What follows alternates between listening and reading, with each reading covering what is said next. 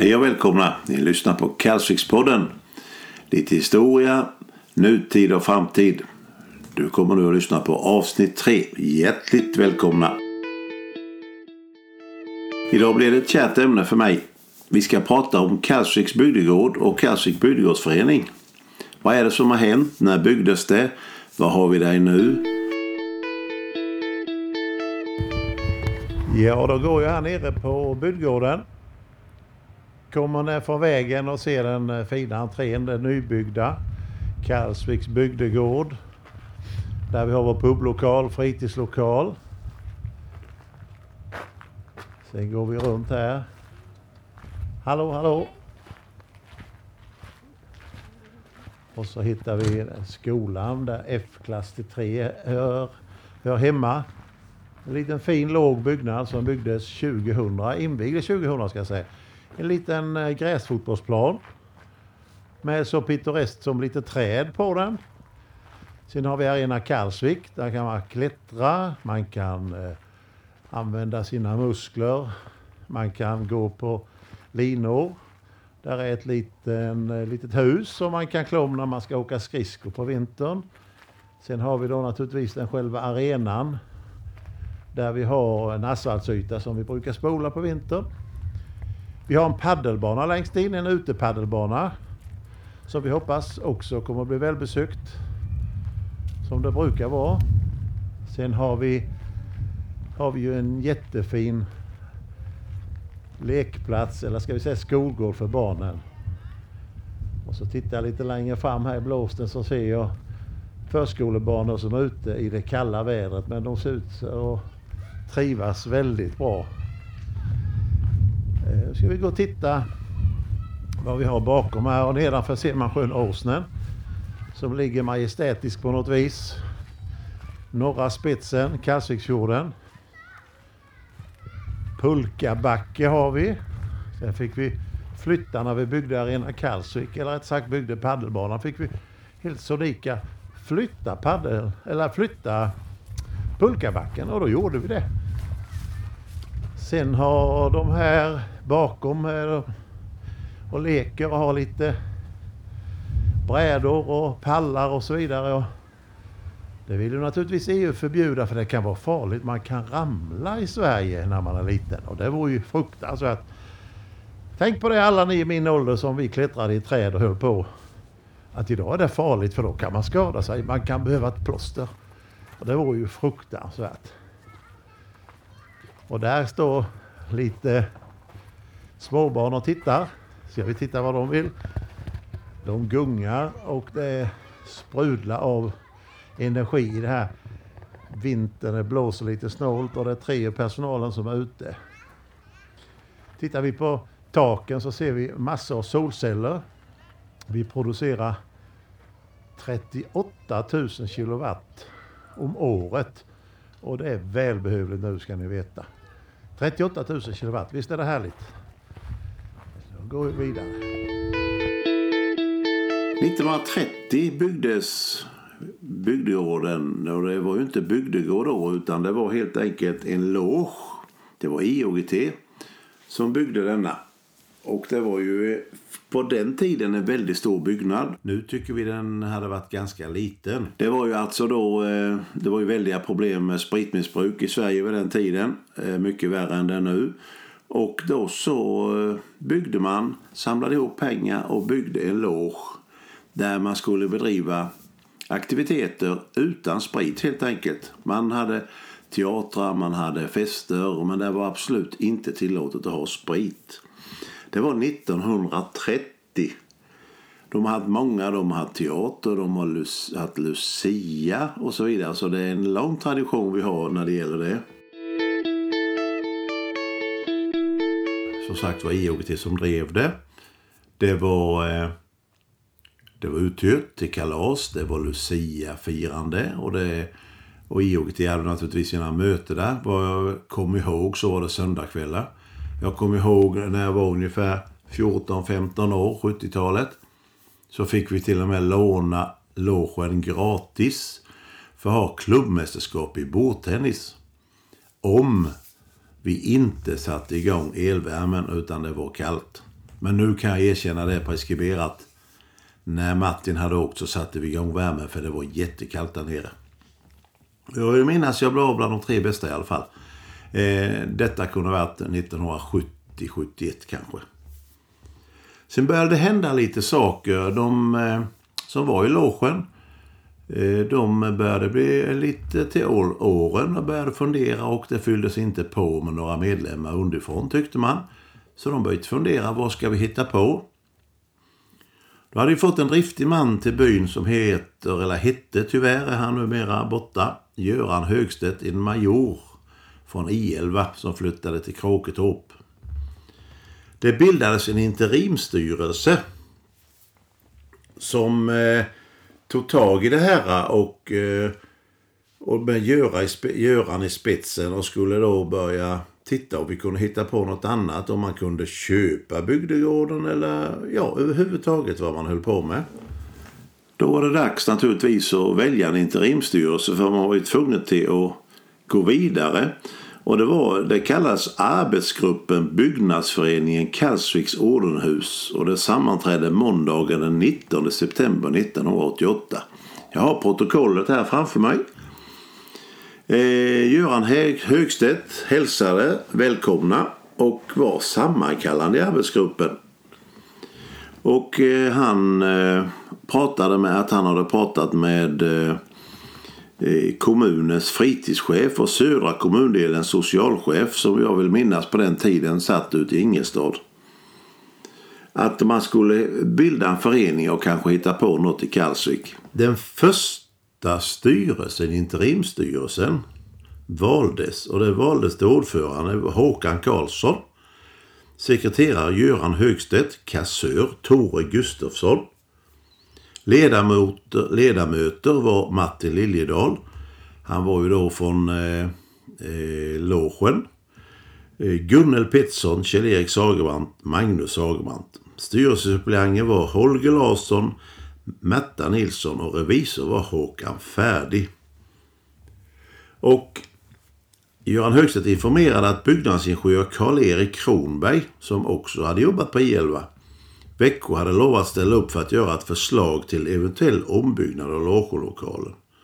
Och sen diskuterades det vad det var för målsättning naturligtvis för den här föreningen.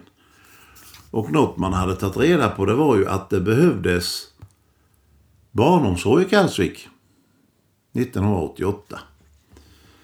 Så man började diskutera detta på fullaste allvar. Vad skulle vi göra? Och eh, detta var liksom ett år efter att de hade börjat fundera i logen. Vad ska vi kunna göra? Vi har inga nya medlemmar. Och då kom Göran Högstedt och den här interimstyrelsen på fråga. Och eh, man budgeterade lite och sen började man fundera. Och 1989 köpte man logen som det hette då, alltså blivande bygdegården. Och det var en, får jag säga, ganska oansenlig byggnad med en grusparkering framför. Man köpte den för 150 000 svenska kronor. Man lyckades få ett tioårigt avtal av kommunen för att bygga ett daghem som det hette på den tiden. Alltså en förskola.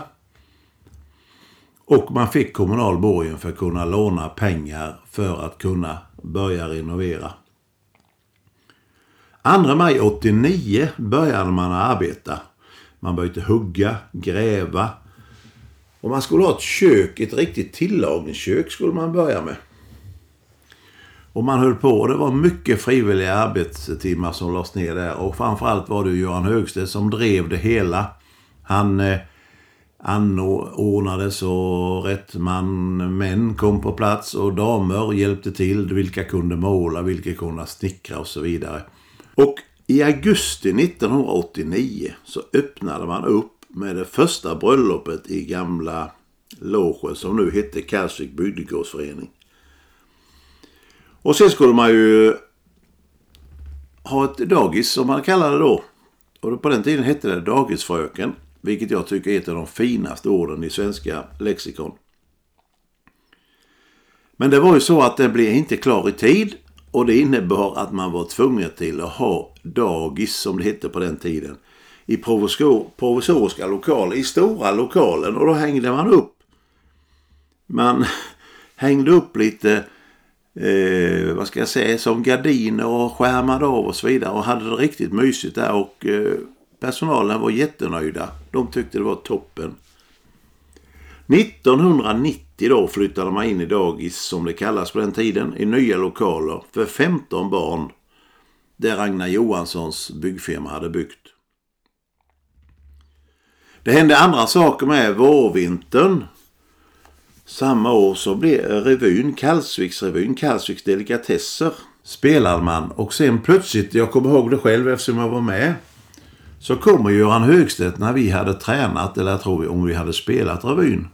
På den tiden fick vi gå in på scenen. Det gick inte att komma ut från scenen utan att gå ut i, i lokalen. Och där fick vi stå en halvtimme under tiden folk bänkade sig. Och det var ju lite svårt. Vi fick krypa ut genom fönster om vi blev kissnödiga och så vidare. Och då säger Göran så här. Skulle ni vilja ha en ny scen? Eh, ja, det hade ju varit rätt trevligt men hur ska det gå till? Då ska vi fixa det. Och Vinter 91-92 så bygger man till bygdegården. Så där scenen är idag, där scenen börjar idag, där var ytterväggen innan. Man bygger även till två omklädningsrum och en bastu. Och jag som höll på med revyn på den tiden, vilken skillnad. Vi kunde göra scenbyte. Vi hade råer, vi hängde upp lampor. Alltså det var, ja, det var hur bra som helst. Eh, och riktigt el och det byggdes så att eh, både regionteatern och eh, vad heter det, ja, alla stora teatrar skulle kunna komma. Det var anpassat efter det. Och vi kunde springa ner för trappan, byta om i ett omklädningsrum istället för att byta om bakom scenen om ni står vad jag menar under tiden man spelade. Eh, sen var det så att det började bli trångt igen. Man ville bygga något mer, man ville hitta på något mer. Vad skulle vi göra nu?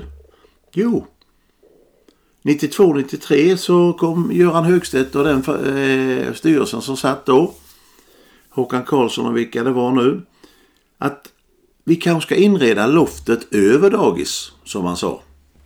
Då inredde man det till en, jag kan nästan säga att det var som en, eh, en liten gympasal. Jag har själv varit där och spelat innebandy och bufflat i väggarna. När vi hade fått den här fina lokalen där uppe så eh, var det mycket verksamhet där bland ungdomar. Innan dess så hade vi haft fritidsgårdar på fredagskvällarna. Jag tror vi hade varannan fredag. Då var vi, fick vi vara nere på dagis på kvällarna och, eh, och visade och körde filmer och lite sånt.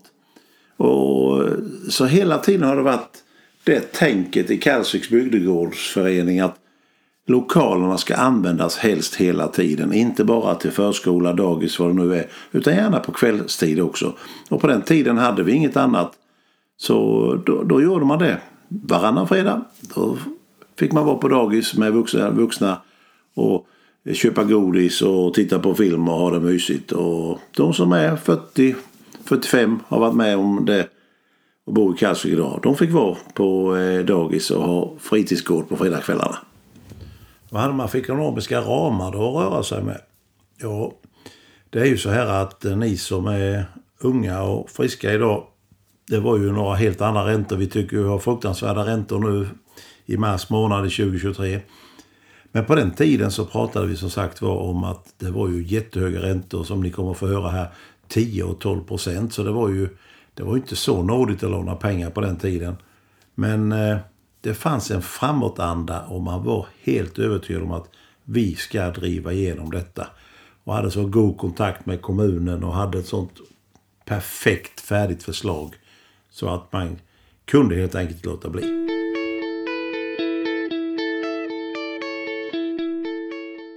Och det var, det var tufft. Man hade ett lån på 150 000. Det var 10 procent.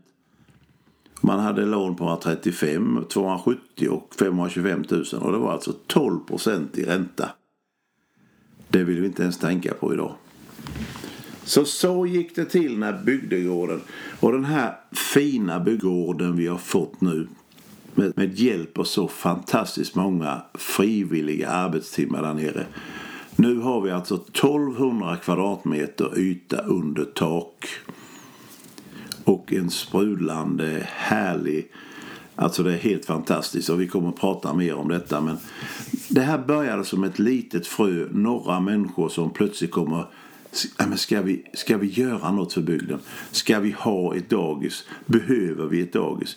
Ja, det tror fanken vi behöver ett dagis. Och vi har ju mycket mer och vi kommer att prata om detta.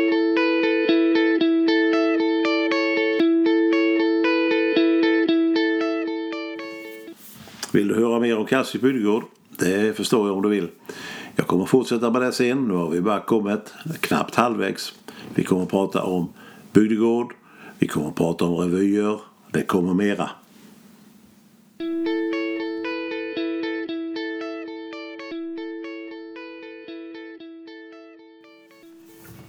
Ja, då ska vi prata lite om bussar tänkte jag.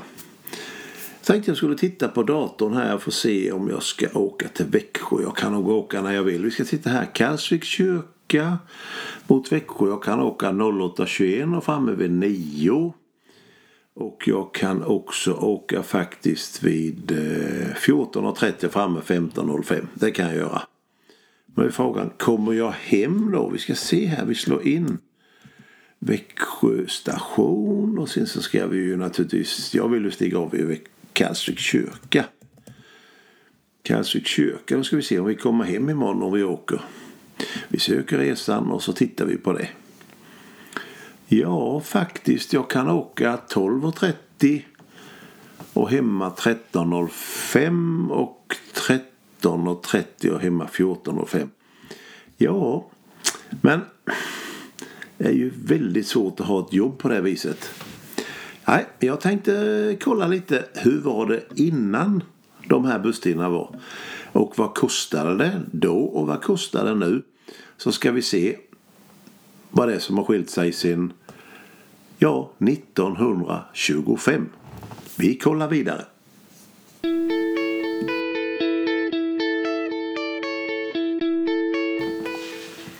Nu skrämde jag faktiskt upp er lite. Det går att åka tidigare. Man kan åka två minuter över sju och man kan komma hem antingen halv fem eller klockan 17.48. Men då är det vid affären. Man kan alltså inte komma till Kastrups kyrka. Jag tänkte vi skulle titta på hur det var förr. Jag kommer ihåg den här gamla bussen som gick här då. Och tänkte vi skulle titta när började det och så vidare. Och vad har, vad har bussförbindelsen betytt för Kalsvik? Ja, det var ju så här att förr i tiden då var det ju, man hade ju självhushåll. Men det var ju många, det fanns inte mycket pengar i samhället på det viset. Många ville ju få tag i lite pengar och det var ju ens ett sätt det var att sälja grejer. Och vad sålde man grejer? Jo, man sålde det på Växjö stortorg. Två dagar i veckan på eh, torget så att säga. Jag kommer inte ihåg hur det var i början där men det har ju varit onsdagar och lördagar ganska länge så jag skulle tänka mig att det kunde varit det. Men det var ju rätt jobbigt. Skulle man cykla in två och en halv mil.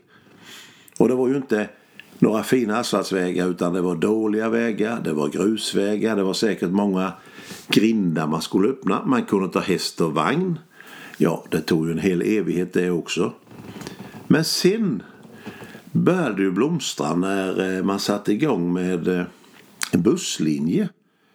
Det gjorde ju att man kunde åka buss in, betala, få med sig sina varor, handla eller rättare sagt sälja ska jag säga. Man sålde sina varor. Det kunde vara grönsaker, frukter och, och allt möjligt, kött och vad som helst. Och på det viset tjänar man lite pengar. När, när kom detta igång då i Kalsvik? Jo, 1925 i månaden. Det är alltså snart 100 år sedan. Det är 98 år sedan. Startade en som hette Theodor Andersson busslinjen Torsåsby, Torne, Hult, Kalsvik, Get och Växjö. Det var ju spännande. Den första bussen var en T-Ford med ingång bak till. Det var ju inte inget med värme och sånt naturligtvis. Inredningen var helt i trä. Och eh, ni kan tänka de vägarna som fanns 1925 att det var nog ingen större njutning att åka buss till Växjö från Kalsvik. Det tror jag inte. Men att gå, cykla eller åka häst då var bussen ett väldigt bra alternativ. Eh, 1928 köpte Theodor Andersson en ny buss av märket Willys Knekt. Och båda dessa bussar inreddes i Kalvsvik av bröderna Hildegriva Pettersson. Alltså det var snickare som inredde bussarna. Det hade varit häftigt att se nu idag när man köper en ny Volvo-buss för eh, x antal miljoner. Att eh, ja, men vi, vi ber en snickare göra inredningen. Jag tror inte det skulle funka riktigt idag. Och eh, man kortade busslinjen då att gå från Hultet och där byggdes ett garage och Hultet vad jag vet så är det väghult. Men sen när Willysbussen var klar då visade det sig att garaget var ju för litet. För denna buss hade motorhuvud, det hade inte den här gamla T-Forden tydligen. Då var man så snillrik så att då helt enkelt byggde, byggde man man byggde, sågade hål i väggen och gjorde ett litet nytt fack för motorhuven. Så smart var man på den tiden. Eh, den hade till och med ett registreringsnummer som hette G1500. Och hör och häpna nu. Den hade en motor på 53 hästar och en tjänstevikt på 3255 kilo. 22 passagerare med bagage. Och bagaget placerades på taket. Så ni kan ju tänka hur det blev på vintern när det var kallt. En buss idag där snackar vi om 500 hästkrafter ungefär och väger ungefär 25-26 ton. Så det är ju en väldig skillnad som ni förstår. Den första anställda chauffören var August Jönsson hette han. Han, eh, han körde flera år men han slutade som chaufför för han krockade vid strykjärnet i, i Växjö på 30-talet. Och då på den tiden så betecknades det, vad vi har kunnat förstått, att det var otur att två bilar samtidigt skulle passera strykjärnet på 30-talet. Det låter rätt häftigt.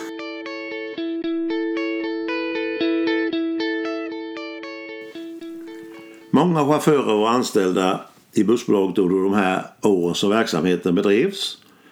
Det var Erik Gustafsson Kalsvik. Det var han som vad jag har förstått öppnade Kassik bilverkstad en gång. Det var Gustav Karlsson Kläcklinge, Erik Sagerman Kalsvik och Albin Lindstedt Kläcklinge. Och även Theodor Anderssons tre söner var chaufförer också i bolaget. Och de hette Stig Andersson, började 36 och tvillingarna Leif och Gert Andersson började 1937 och köra buss. Eh, Annars den sista då det var Albin Lindsten som var chaufför på linjen från mitten av 30-talet fram till 67. Alltså 30 år körde han bussen. Han flyttade till Kläckli 1950 och där byggdes ett garage för bussen. Och det kan ni fortfarande se när ni kommer. Det är ungefär en och en halv kilometer från Kläck, eh, sista bron mot Sekun. Det var en Scania, den tredje bussen. Det var en Scania som gick i trafik på Kalvsikturen. Regnumret var G308 och det var en jättestor buss tyckte man på den tiden. Det var 33 passagerare. Och nu hade man nästan fördubblat motorn till 100 hästar och tjänstevikten var 5590 kilo. Men vi har fortfarande 20 000 kilo kvar till de nya bussarna. Det var en 32 en årsmodell. Eh, denna buss var lite speciell för gasen satt mellan frikopplingen och bromsen. Det har jag personligen aldrig sett. Och då kan ni tänka som bilförare vilka problem det måste ha ställt till med. Nu eh, körde man inte så mycket bil förutom att köra buss och då kanske man lärde sig det. Eh, det var så här att eh, under en resa så fattade bussen eld och eftersom den drevs på bensin blev det en häftig brasa och bussen brändes ut totalt. Men som tur var så blev inga personer skadade. Vad kostade det att åka buss på den tiden? Ja, jag ser att en enkelbiljett till Växjö från Kalsvik kyrka kostar 47 kronor idag. Eh, och det är ju då i mars 2023. Men det kostade på 30-talet kostade en tur och returbiljett 2 kronor. Då antar jag att en enkelbiljett kostade ungefär 1 krona. Men så chockhörde man det på 40-talet till 2,50. det går rykte om en gammal, en gammal dam som vi steg på och ville inte betala. För hon talade om att hon skulle inte åka in till Växjö. Hon skulle bara åka en bit. Eftersom bussen ändå körde så kunde hon ju åka utan att betala tyckte hon. Vem detta ska vara det har vi inte en aning om. Sen kom ju krigsåren. Och det var ju dåliga vägar och sen kom krigsåren och då var det ju bränslebrist naturligtvis. Då fick man ju faktiskt se till att sätta dit ett gengasaggregat på bussarna. Och gengas det var ju helt enkelt att man fick ha med sig björkved och elda så man fick hugga björkved för att kunna köra bilar. Det var ju allmänt under världskriget. Man fick inte tag i bensin eller diesel utan det skulle gå till krigsmakten och till de absolut livsviktiga transporterna i Sverige. Så det gjorde att man fick lägga ner en väldig massa tid på att hugga ved. Och sen skulle bussen ändå hålla tiderna. Det gjorde ju att busschaufförerna fick ju stiga upp väldigt tidigt och börja elda i den här lilla kaminen som hängde där bak. Och sen eldade man till man fick gas och sen till slut kunde man köra bussen. Och Eh, flitiga grannar som hjälpte till att hugga ved så gick det att lösa. Men det, det, de blev ju rätt åkeslösa kan man säga. Ganska åkeslösa motorer blev det. Det blir ju inte de här 53 eller 100 hästkrafterna vad man hade. Eh, man kör ju med gas idag. Till exempel alla stadsbussar går snart på gas och nu börjar man byta över till eh, el, till batterier. Men eh, ni kan ju tänka när de här gengasmaskinerna kom att det luktade inte mumma kan man säga. Det var ju som ni har att ni eldar ved hemma och sen så ska ni köra omkring i den där bilen och sen så när man ställer sig i en kö i Växjö så luktar det nog inte så gott. Nu var det inte så många köer i Växjö på 40-talet och ni hörde ju förut då att man tyckte det var nästan osannolikt att två bilar skulle korsa varandra på 30-talet vid Strykjärnet. Lite svårare. Gengas, ja. Det var ju som sagt under andra världskriget. Det var ett väldigt vanligt eh, sätt att framföra fordon på. Det var ju gengas. Och eh, det var ju inget att leka med. Det var, det var giftigt. Och eh, det var många som, eh, som eh, dog av gengas också. Det är ju, består av kolmonoxid, vätgas, metan och koldioxid. Och den är mycket giftig på grund av sitt innehåll av kolmonoxid innan den förbränns. Så därför fick man ju vara väldigt försiktig. Det fanns till och med särskilda gengaständstickor att köpa på den tiden. Och eh, det fanns eh, på försvaret de hade gengaständstickor som brann bättre och, och längre. Under andra världskriget så var det jättestort. Eh, det var ju att man skulle riskera en avspärrningssituation som skulle leda till brist på bensin och andra petroleumprodukter som eh, diesel och andra saker. Det mesta gick ju på eh, bensin på den tiden. Då kunde man elda då som sagt var. Det var ju antingen med björkved eller kol och på det sättet få fram gengas. Och det såg ut som de hade en liten kökskamin där bak på bilarna. Så eh, ja, och jag vet att man än idag försöker, eh, försöker man eh, fixa detta och eh, prova på gamla bilar och det funkar. Men det fanns alltså 1940 fanns det 22 000 inregistrerade gengasbilar i Sverige. Och året därpå, 1941, så fanns det 71 000 som var inregistrerade på det. Och det var ju träkol i första hand men ved tog hälften av marknaden och det var ju hugga väldigt mycket ved och det skulle ju vara riktig ved och det bästa var ju naturligtvis riktigt fin björkved. Och eh, när det gäller gengas så har jag eh, min far han höll ju på med det och min farbror. Och eh, när de berättade de här gamla historierna och då ringde de och sa att nu ska eh, fru den och den eh, ska in, måste in och vi måste hämta barnmorskan eller ska in till BB och så vidare. Det var liksom inte bara som vi gör idag. Öppna bildörren, vrida på nyckeln och köra utan då var man tvungen att börja tända eld i den här gengasapparaten för att överhuvudtaget komma iväg. Och det var verkligen inga raketmotorer ska ni veta när man höll på med gengas. Nästa program, avsnitt 4, kommer handla om Karlsviks sågverk.